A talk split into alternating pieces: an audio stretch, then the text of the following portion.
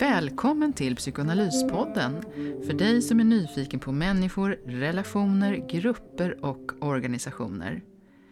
I vårt andra avsnitt möter vi Gloria Seligman, psykolog, psykoanalytiker och barnterapeut. Och efter själva intervjun kommer dessutom några viktiga reflektioner och förtydliganden. Och nu till Freud-citatet som handlar om vårt grundläggande behov av att jämföra. Jaget förblir den måttstock med vilken man mäter världen. Genom att ständigt jämföra den med sig själv så lär man sig att förstå den. Citatet påminner om Protagoras tes Homo mensura, människan är alltings mått. Freud är av uppfattningen att vi förstår andra människor i analogi med oss själva.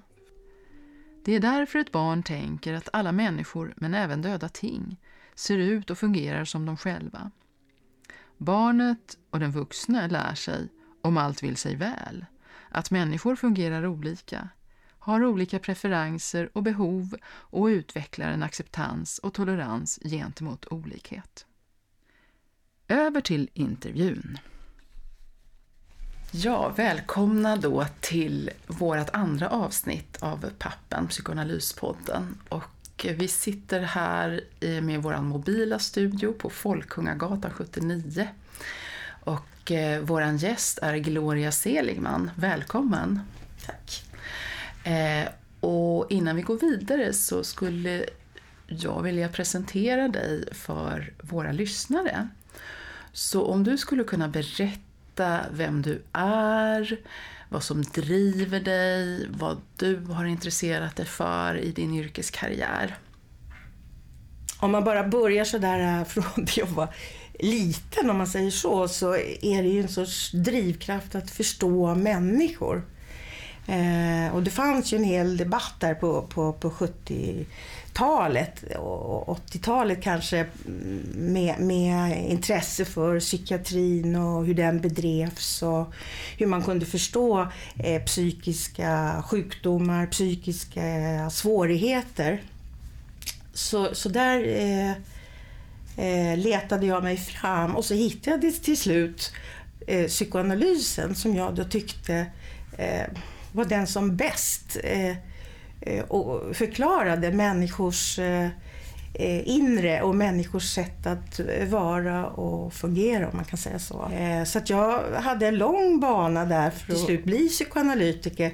Så jag började att jobba på det som då hette Långbro sjukhus och som var ett gammeldags mentalsjukhus. Då, då.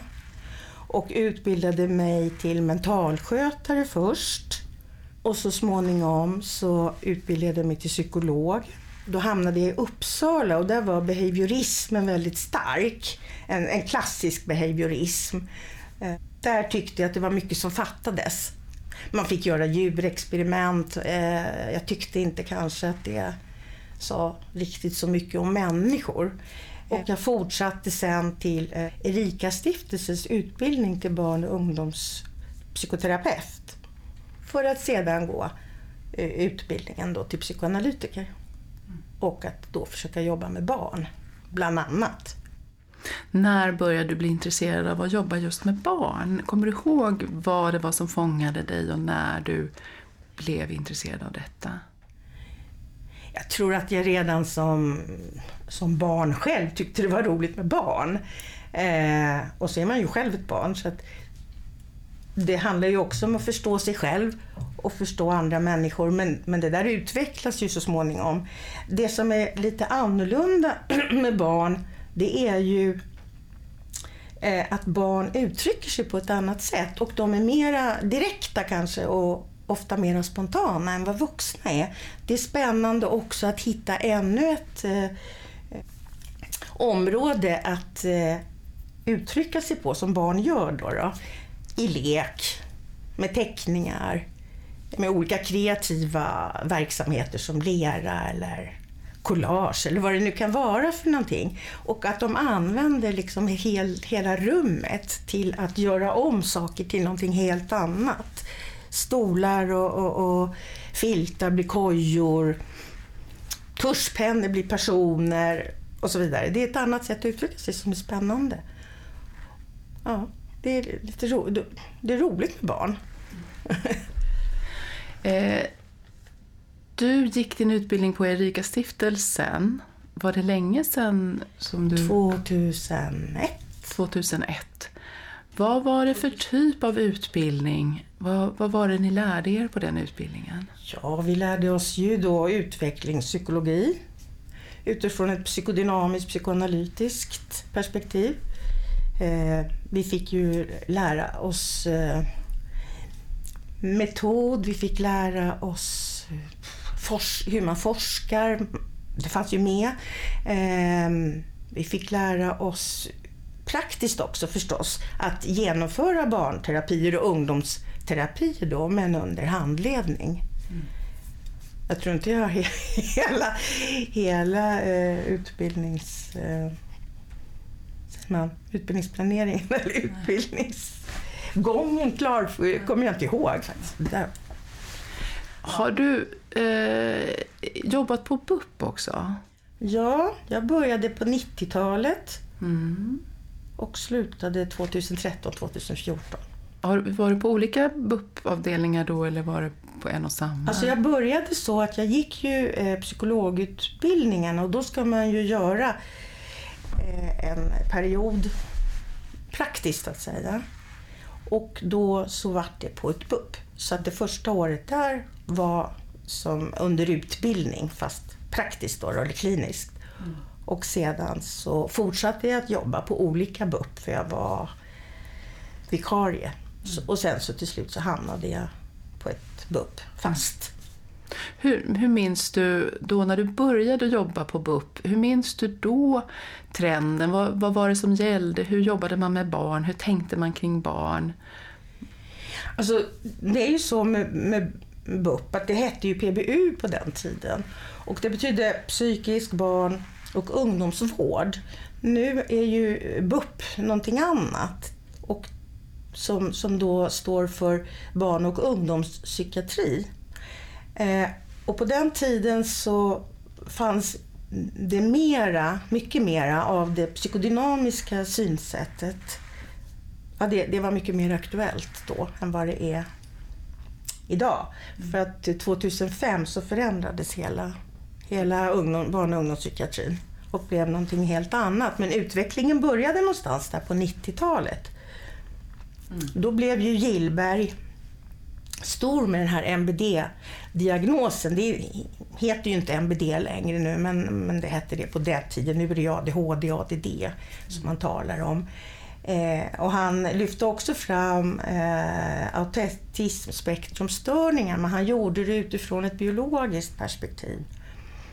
Och det där kom mer och mera in i barn och ungdomspsykiatrin. Mm. Då på den tiden kunde man ju också liksom komma för stort och för smått skulle man kunna säga då på 90-talet. Eh, man kunde komma för rådgivning. Och det kan man ju inte längre. Utan det är ju, så som jag hör så är det ju många barn som numera avvisas därför man tycker inte att problemen är tillräckligt allvarliga och då har man istället den här första linjen psykiatri som vårdcentralerna står för. Men det är som sagt ofta också ett annat innehåll, ett an, en annan människosyn skulle man säga som är förhärskande.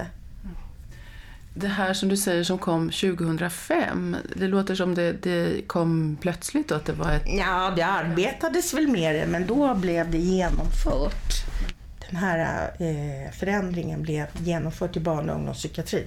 Och då börjar man jobba ännu mer på ett annat sätt? Ja, alltså vad tiden led så eh, kan man säga att man strök mer och mer av det psykodynamiska synsättet som ändå hade funnits där. Så att det blev mer av biologi och eh, behandlingsmässigt mer av KBT och medicinering då. Och det märkte du som hade jobbat då på BUP eller PBU först på 90-talet och sen sakta men säkert så, så var det en annan trend som började gälla ja. inom BUP. Ja. Eh, det här som handlar om att, eh, att utreda och medicinera barn. När skulle du säga att det började komma in i diagnostisering, behandling? Alltså jag tycker att det har blivit mer och mer. Och de här, från 2005 så har det bara blivit mer och mer av det. Och när jag slutade så, så var det svårt för personalen att eh, ta hand om alla dessa utredningar. Det skapades egna enheter som skulle göra det här. Man fick betalt utifrån hur många utredningar som gjordes.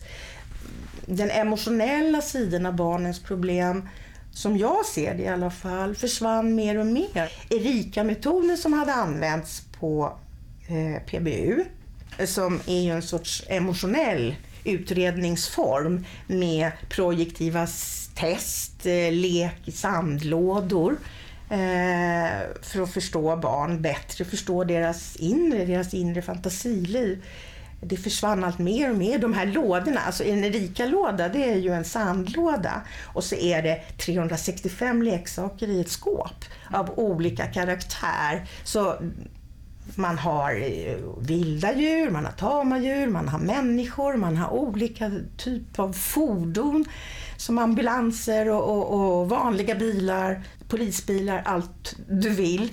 Eh, man har olika typer av människofigurer.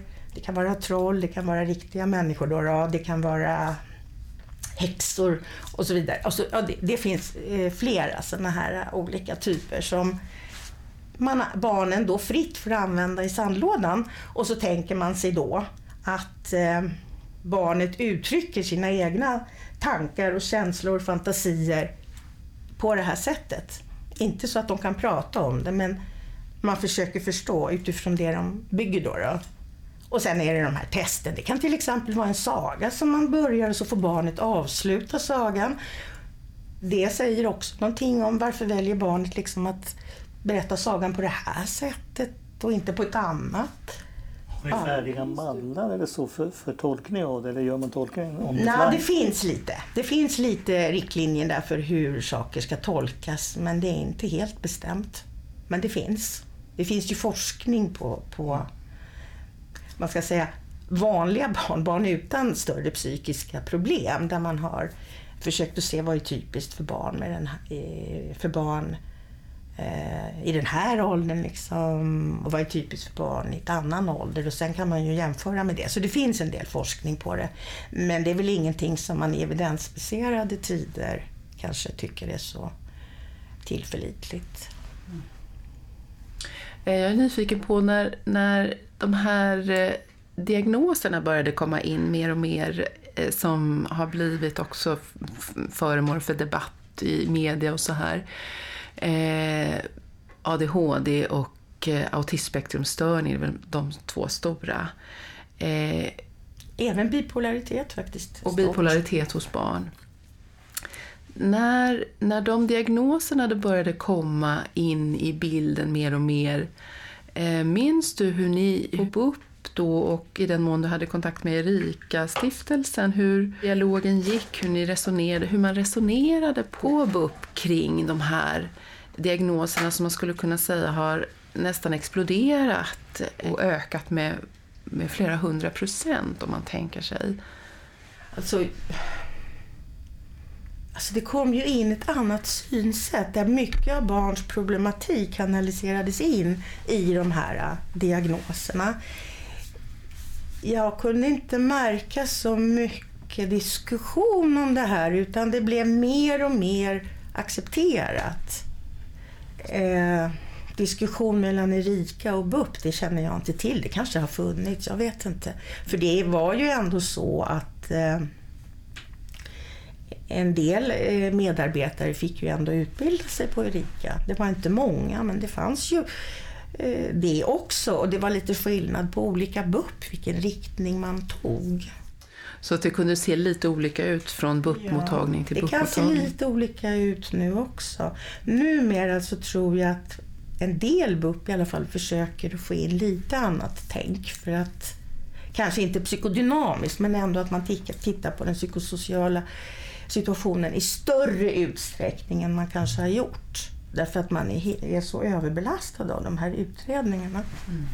Det har ju också stått om i psykologtidningen just psykologer som, som eh, tycker att det är svårt att arbeta därför att det är en sån överbetoning och att man får inte jobba med behandling på samma sätt som man skulle vilja och som man skulle tycka var nödvändigt.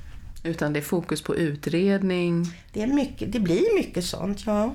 Och sen när utredningen väl är klar, vad, vad händer då man tänker?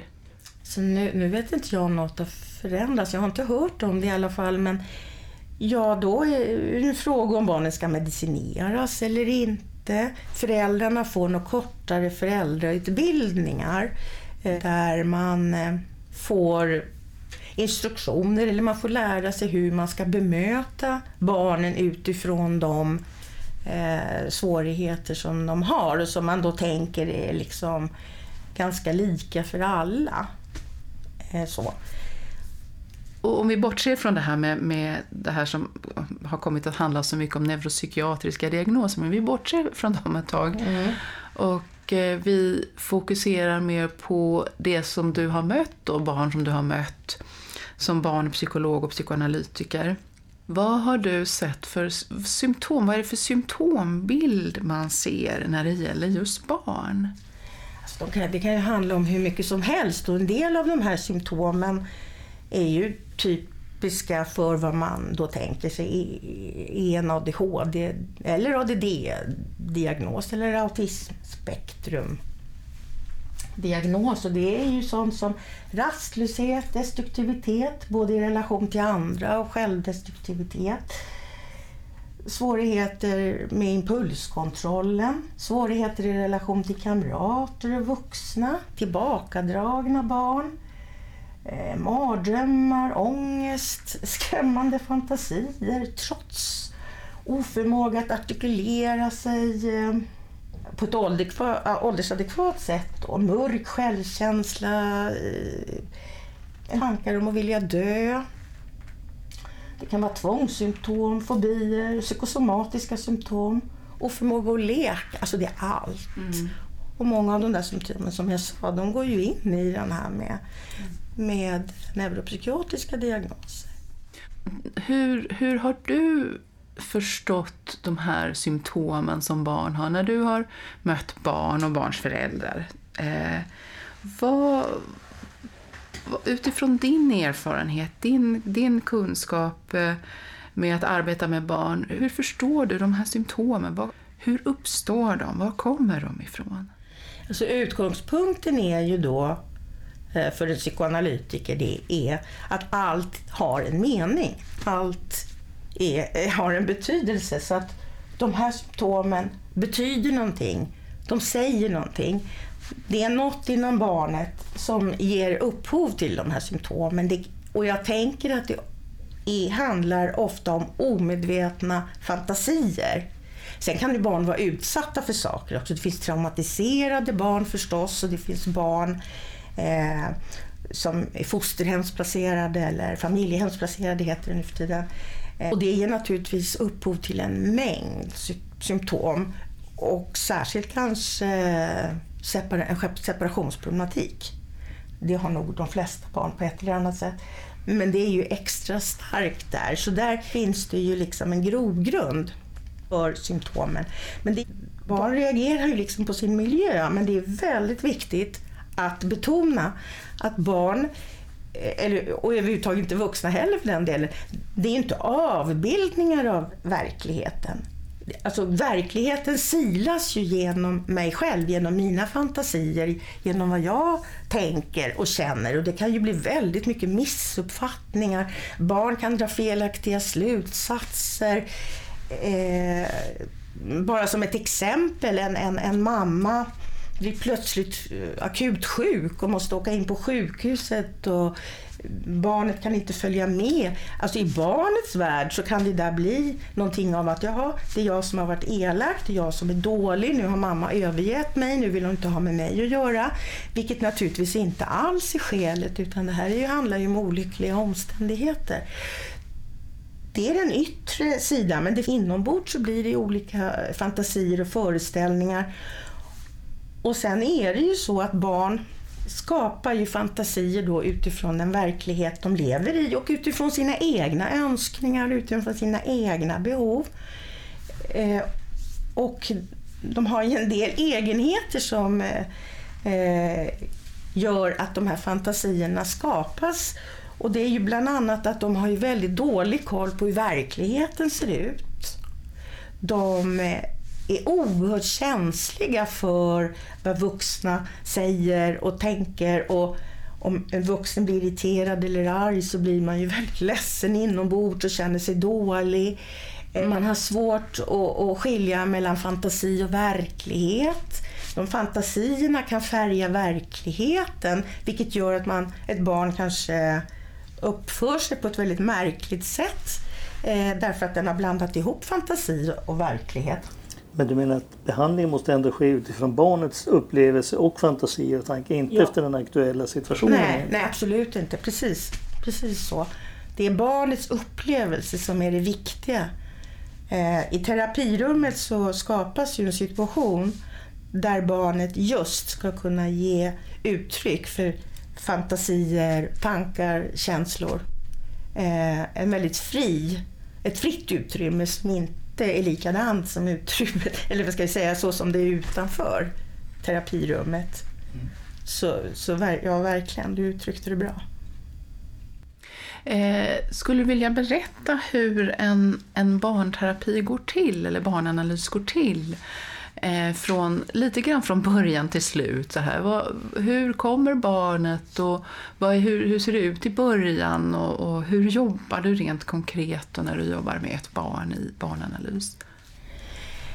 Eh, ja, de kommer ju ofta de kommer ju genom föräldrarna. Och nu pratar vi om barn. För tonåringar, beroende lite på hur gamla de är, kan ju ta kontakt själva.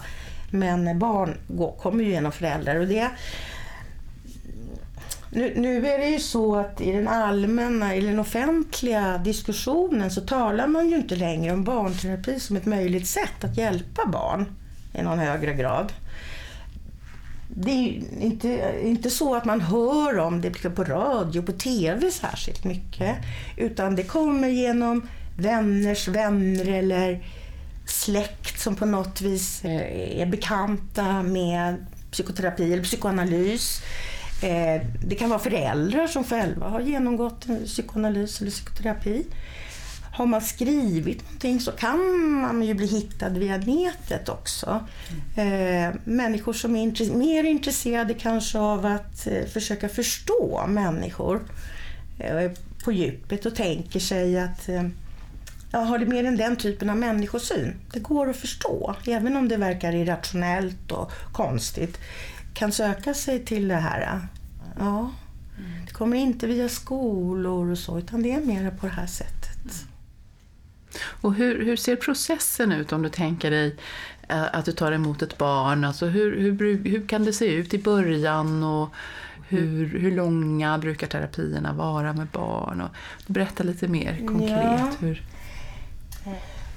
Om jag bara säger någonting om vad syftet är kanske med en barnterapi eller barnanalys, så är ju meningen att barnet, eh, barnets utveckling ska hamna på rätt spår. Att man försöker undanröja hinder så att barnet inte fastnar i sina symptom. Mm. Det är, handlar om att hjälpa barnet att skilja på fantasi och verklighet. Så att inte fantasivärlden, den inre världen, eller som man kanske som man som psykoanalytiker kallar den psykiska realiteten, att den inte färgar av sig på verkligheten. För då är ju barnet illa ute. Det handlar om att hjälpa barnet att gestalta, eller ge barnet en möjlighet och hjälpa, att gestalta och sätta ord på känslor och tankar vilket är ett sätt att, alltså orden och gestaltningarna hindrar ju då utageranden. Både den inåt och den utåt så att säga.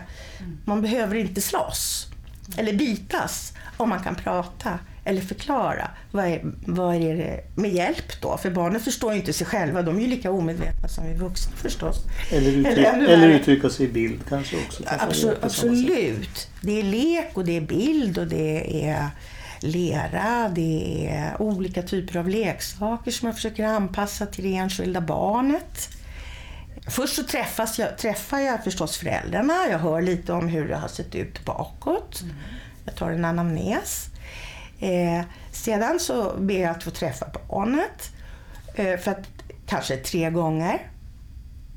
För att eh, se om barnet är intresserad eller om jag tror att det här skulle vara ett sätt att jobba som skulle gagna barnet. Mm.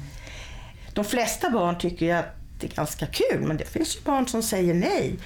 Och en av eh, förut, vad ska man säga, en av premisserna för barnterapi det är ju att man inte tvingar barn. Sen kan man ju behöva putta på barn och be dem testa, men i perioder just när man har kommit in i terapin så kan ju barn vilja sluta eller inte vilja komma och då behöver man ju förälder, som förälder hjälpa till att putta. Men, men då måste ju, en, måste ju ändå finnas något sorts intresse. Sen så kommer barnet och så säger vi då att det har kommit tre gånger eh, ehm, och vill fortsätta. Så då säger jag väl liksom lite, jag berättar lite om det som på psykoanalytikerspråk kallas för ramen, det vill säga de regler som finns. Att det är en speciell plats, det är speciella tider och eh, det är också hur jag förhåller mig. Det ingår i det som kallas för ramen eller de här reglerna. Och det är ett sätt att skapa trygghet och vet man när man ska komma tillbaks, att det kanske inte dröjer så länge, då är det också lättare att våga berätta eller våga gestalta svåra saker. Så jag ingår så att säga i ramen och det sätt jag har att möta barn. Så då kan jag ju förklara för barn att hit kommer man. Eh, jag hör ju med barnet vad barnet själv tänker förstås. Och att hit kan man komma och leka och prata om man tycker att saker är bekymmersamma. Man får säga precis som man tycker och tänker och känner. Eh, man behöver inte vara artig. Jag berättar ingenting om vad du säger eller vad du gör här inne. Men du får berätta om du skulle vilja. Det finns några regler. Jag får inte göra illa dig. Du får inte göra illa mig. Och du får inte göra illa dig själv. Sen får man göra rätt mycket i det här rummet, men om det är något jag tycker inte blir något bra, då säger jag till. Sen är inte alla analytiker kanske som säger allt det här, men jag brukar göra det. Eh, och det är du som väljer vad du vill göra här inne. Jag bestämmer inte vad du ska göra. Är det någon skillnad i ramen för vuxenanalys kontra barnanalys? Är det någon tydlig skillnad där? Frågar en lekman. ja, man kanske inte uttrycker sig på samma sätt, men ramen är ju likadant. Och så tillkommer ju arvodet som också är en del av ramen att man betalar för sig. För allt det här kring ramen får ju en speciell, alltså kan väcka mycket känslor och tankar och bli någonting som man kan vilja trotsa, någonting som man underkastar sig, någonting som väcker tankar och fantasier. Bara det här, tänker betala vad det kan ge för fantasier om, att, att, om prostitution till exempel, att man, man, man betalar för att eh, få hjälp, man betalar för att ge uttryck för, för sina innersta tankar och känslor. Eller man ger betalt menar jag. Eh, när, när, du, när du då har haft ett barn i terapi en period och du märker att det här barnet börjar kunna uttrycka sina känslor och tankar och du kan hjälpa det här barnet att bli liksom mindre förvirrat i vad som kommer inifrån barnet själv, vad som är barnets eh, kanske felaktiga föreställningar, fantasier om sig själv eller om mamma och pappa eller om andra.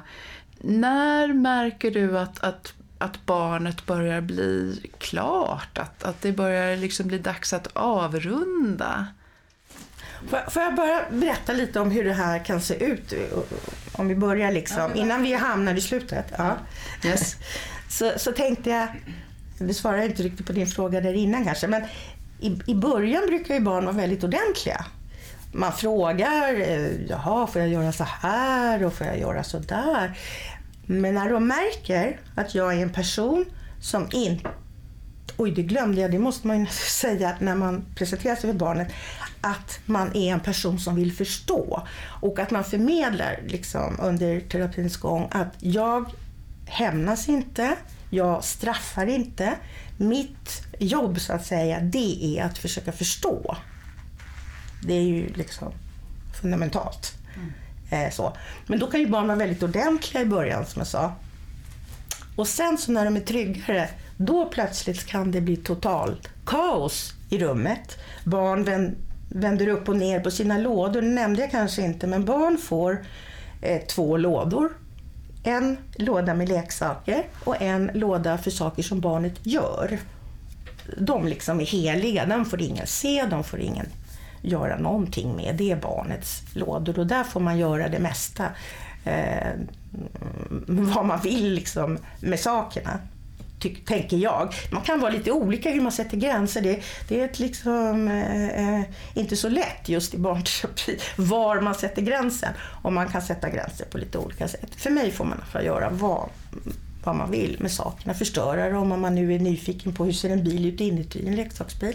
Så kanske man plockar sönder den och så vidare. Men då kan det bli kaos på många sätt. Barn kan springa ut ur terapirummet, vägra komma tillbaks, de vägrar att komma in. Eh, de kan låsa in sig på toaletten. De kan försöka slå mig, de kan försöka Ja, de kan försöka göra väldigt mycket saker. De kan ställa till det mm. rätt mycket. Också för att, att, pröva för vad, vad man håller för och eh, vad man står ut med och hur farlig är jag? Men det är en fas som alltid kommer, som man är beredd på? Då. Ja, ja, jag skulle säga alltid. Det kommer en punkt när detta händer. Och då är min uppgift att försöka sätta ord på vad är det som händer. Vad, hur kommer det sig att eh, det här barnet just nu vänder upp och ner på alla lådor. Vad var det som gjorde barnet argt? Varför sprang det ut nu? Var det någonting som hände här innan? Eller hur ska jag förstå det här? Och så försöker jag hjälpa barnet och, och sätta ord på. Ibland förstår jag inte och då kan jag väl säga det att det här, det här verkar viktigt. Det, det är något vi behöver fundera på du och jag. Eller säga att vad bra att jag fick se att det kan se ut så här inom dig också. Mm. Sen måste jag ju hejda barn ibland. Eh, då får alltså inte slå mig. det ingick i ramen. Ja, det ingick i ramen. Mm. Så, så, så då är det en period då, från början så kanske de är lite försiktiga och lite artiga och sen så, så våg, märker de att de får liksom vara sig själva, eh, vara arga om de är arga eller kasta ut saker eller testa gränser och så vidare. Eh, och så märker de att du, du finns där hela tiden, du försöker förstå, försöker förstå barnets inre värld, barnets känslor och barnets tankar som, som uttrycker sig i olika handlingar. Eh, men sen då när, när eh, du märker att barnet då eh, börjar bli bättre på att, att förstå sina känslor, sätta ord på känslor, bli tydligare kanske och, och också få en tydligare bild av vad som, som är eh, verkligheten och vad som kommer inifrån fantasier och deras fantasier. Hur, hur märks det? Vad säger föräldrarna? Hur märks det på barnen? Hur märks det utanför rummet? Vad får du för återkoppling?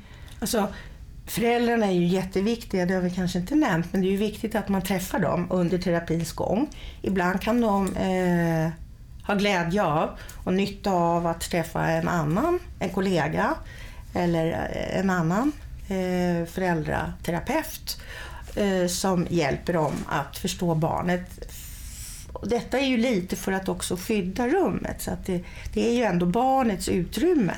Men, men eh, när det behövs kanske man får träffa föräldrarna oftare. Mm. Så. Eh, man märker ju att barn är färdiga för att sluta. Man hör att symptomen har minskat utanför. De är mm. inte aktuella längre. Det kan vara barn som har behövt resurs i skolan som inte längre behöver det. Det kan vara eh, de konflikter och svårigheter som har funnits i hemmet, som finns inte längre. Kontakten mellan föräldrar och barn är mera innerlig och, och mindre präglad av, av eh, förtvivlan och, och missförstånd och, och, bråk. Och mindre bråk kanske med syskon som har funnits och så vidare. Mm. Och jag märker i rummet på att barnen själva säger att de kanske skulle vilja vara mer med kompisar. Eh, jag skulle vilja softa lite mer. Det är ju ändå en ansträngning att komma till barnterapi. Alltså, man kan inte vara kanske med, med eller en barnanalys, eh, som ju är fyra gånger i veckan till skillnad från en barnterapi. Mm. Eh, man, man, har ju inte samma möjligheter kanske att utöva aktiviteter och så. Det, ju, det kan vara en viss stress ändå att komma, mm. även om det ger väldigt mycket. Mm. Eh, så det kan man märka att, de har, att det är en viss ambivalens. För att när barn ibland säger så här att eh, Nej, jag hatar dig, jag vill aldrig komma hit mera. Och det kan ju till exempel ofta vara inför uppehåll eller eh, ja, sommaruppehåll som är väldigt långt eller jul och nyår och så. Så tar jag inte det på samma allvar. Utan då tror jag att det är en reaktion på att du lämnar mig så jag struntar i dig. Eller då kan jag lämna dig också. Jag tänker aldrig komma tillbaka. Mm. Kan ju barn säga så då börjar jag ju se. Det är liksom mm. symptom, men försvinner. Mm. Eller blir lättare att hantera. Mm. Och barnet själv visar på den här, mm, jag tycker om att komma och jag gillar dig, men, men det finns annat som drar mera. Mm. Mm. Och då börjar man resonera med barnet om ja, vi ska sluta och eh, hur ska det bli? Och så försöker man liksom fundera tillsammans och så försöker man hitta någon lämplig tidpunkt. För det är jätteviktigt att det får vara en lång avslutningsperiod. Eh, man får inte liksom sluta från den ena dagen till den andra eller på en vecka eller två. Nej. Utan det behöver vara lång tid. Sen kan lång tid vara olika för olika barn. Mm. Det kan vara, vad ska vi säga, fyra månader för ett barn och ett år för ett annat. Alltså, det beror ju på. Menar du hela terapitiden eller bara avslutnings... Avslutningen. Avslutning. Ja. Det här är ju eh, långa behandlingar. Mm. Hur långa ungefär? Vad, vad, brukar det röra sig om? Ja, det kan vara tre år, två år, tre år, fyra år. Mm. Barn med väldigt allvarliga svårigheter, kanske fem år. Men barn har oftast kort kortare behandlingstider så att säga än, än vuxna. vuxna. Mm. Mm. Ja, det beror ju på vad, vad den vuxna kommer med och vad man vill, vill. Men om man tänker sig en analys så är ju behandlingstiden oftare längre. Mm. Inte alltid. Men det här som du, du berättar om nu, barn, barnterapier, barnanalyser, längre terapier. Eh, din, är din erfarenhet att det här finns inte längre att, att tillgå inom eh, barn och ungdomspsykiatrin. Att, att, att det inte finns detta att barn får gå i terapier. Analyser har barn aldrig fått gå Nej. i. Men, men terapier... barn och ungdomspsykiatrin. Men eh, eh, terapier kan finnas på enstaka ställen. Så att enstaka BUP kan ha det, mm. men mestadels så finns det inte. Och BUP har ju riktlinjer och där eh, avrådes från eh, psykodynamisk barnterapi ofta för många, många diagnoser. Man utgår ju från DSM-5. Det är, väldigt, det är sällsynt, mycket sällsynt. Men det kan finnas på enstaka BUP om man letar. Så det, lå det, låter ju som att, att det här som handlar om barnterapi, att det, det är i så fall föräldrar som, som själva står för det och själva betalar då en barnterapi ja, för sitt barn. Sorgligt nog så är det ju ofta så. Men det finns en möjlighet. Det finns en stiftelse som heter Lille Hans. Mm. Och Lille Hans eh, kan erbjuda bidrag till en analys. Och då måste den vara mellan tre och fem gånger i veckan. Där ingår också en, en kontakt för, för föräldrarna. Och då, kan, då är bidraget 500 kronor per gång. Och sedan så får analytikern då ta upp till 300 kronor och lägga på det då. Så det här är läget just nu. Jag vet inte om det kan förändras, men som det ser ut nu så kan man också komma på, en, på konsultation tio gånger med ett bidrag på 500 kronor. Mm. Är det någon övre åldersgräns för barnet? Eller? Ja, just det. Det är 18 år. Därför att det finns inte några möjligheter att få eh, ersättning från samhället. Men, men det stämmer, man måste betala själv. Hur, hur ser det ut om någon skulle vilja utbilda sig till barnpsykoterapeut eller barnanalytiker, dig veteligen, vad finns det då för utbildningar?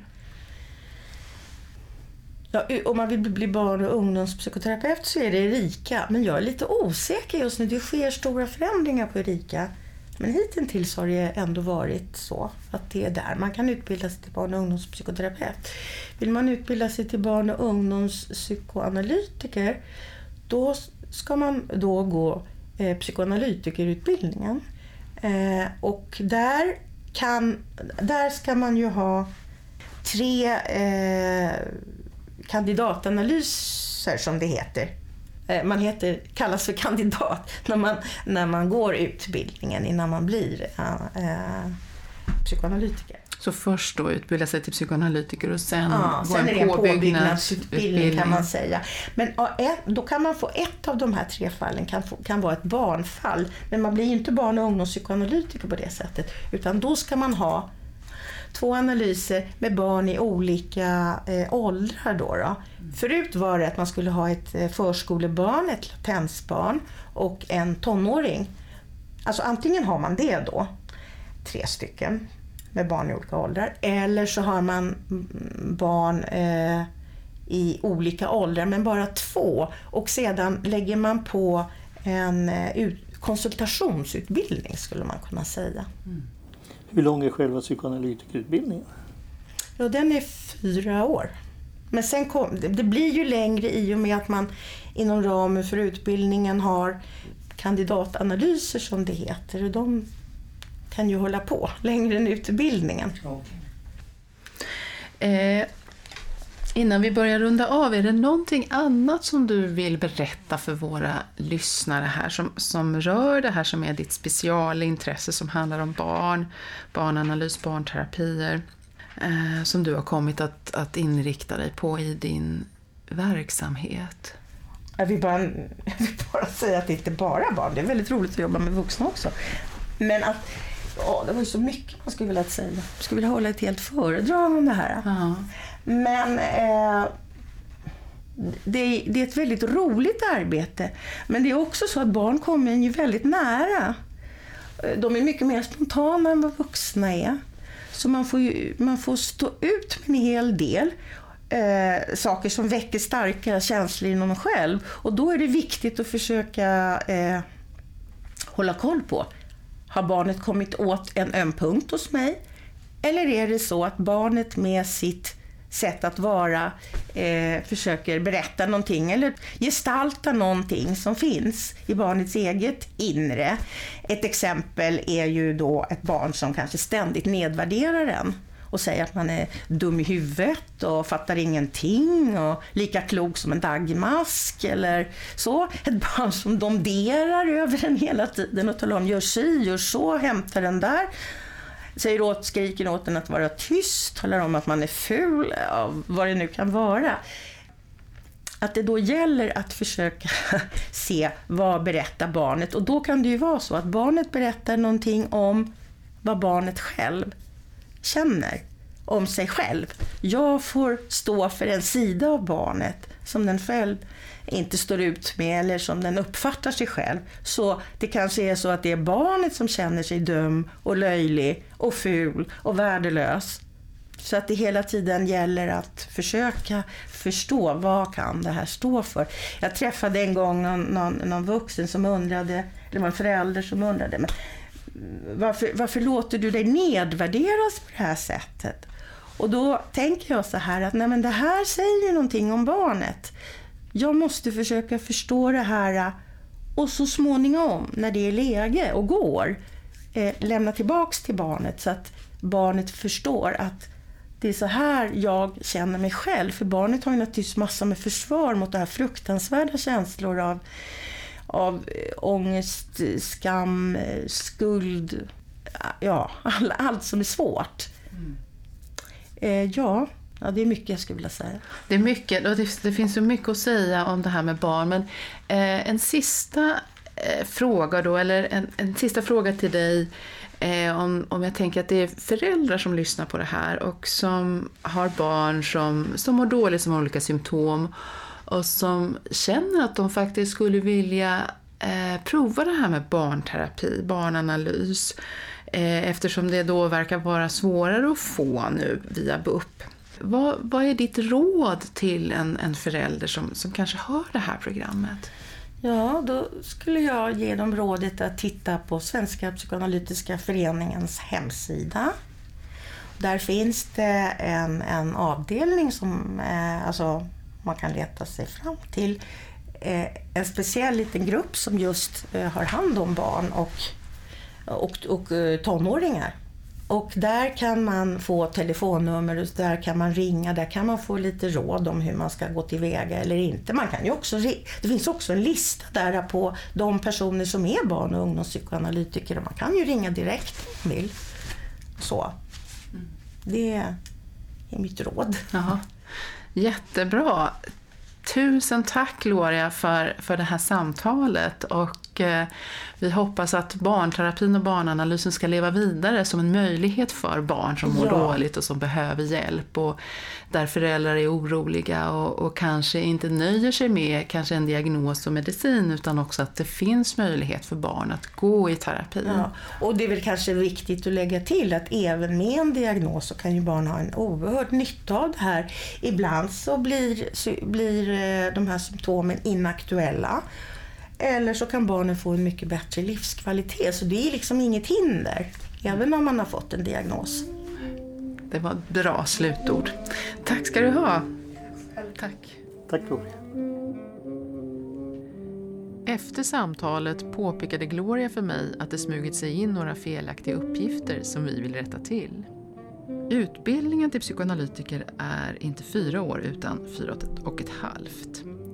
För det andra man kan söka bidrag för barn eller tonårspsykoanalys upp till 18 år och den som börjat före sin 18-årsdag får naturligtvis fortsatt bidrag även efter 18-årsdagen, vilket inte framgår i intervjun. För det tredje. BUP i Stockholm psykiatriserades och blev specialistvård år 2000 och inte 2005. 2005 skedde däremot en stor omorganisation som bland annat innebar en sammanslagning av flera lokala BUP till större och därmed färre enheter.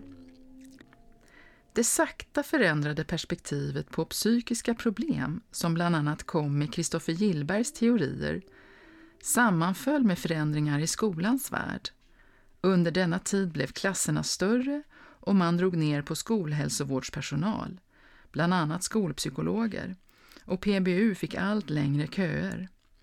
Man kan ha en hypotes om att barn med problem fick mindre möjlighet till hjälp när det fanns färre vuxna omkring dem och att föräldrar alltmer sökte till PBU snedstreck BUP utifrån skolans behov. Idag gäller att om inte barnet har en samsjuklighet, vilken kan behandlas på BUP, så hänvisar man till ADHD-center och habiliteringen. Där kan man få kombinerade psykosociala och pedagogiska insatser med medicin, men inte barnpsykoterapi och särskilt inte psykodynamisk barnterapi. Gloria vill förtydliga att en barnterapi, att i en barnterapi är det viktigt att följa barnet. Psykoanalytikern sätter ord på det som sker men mycket sker också på en icke-verbal nivå. Barnet kan till exempel nedvärdera psykoanalytikern som ett sätt för barnet att låta psykoanalytikern känna det barnet känner. Och så till sist. Barn placerade i familjevårdshem kan klara sig bra. Men det finns barn som placeras om och om igen och detta får inte sällan allvarliga konsekvenser. Det var allt för den här gången. Du som lyssnar kan läsa mer om barn och psykoanalys i Svenska psykoanalytiska föreningens skriftserie nummer 13 2014 med titeln Barn och psykoanalys. Tack för oss och ha det gott!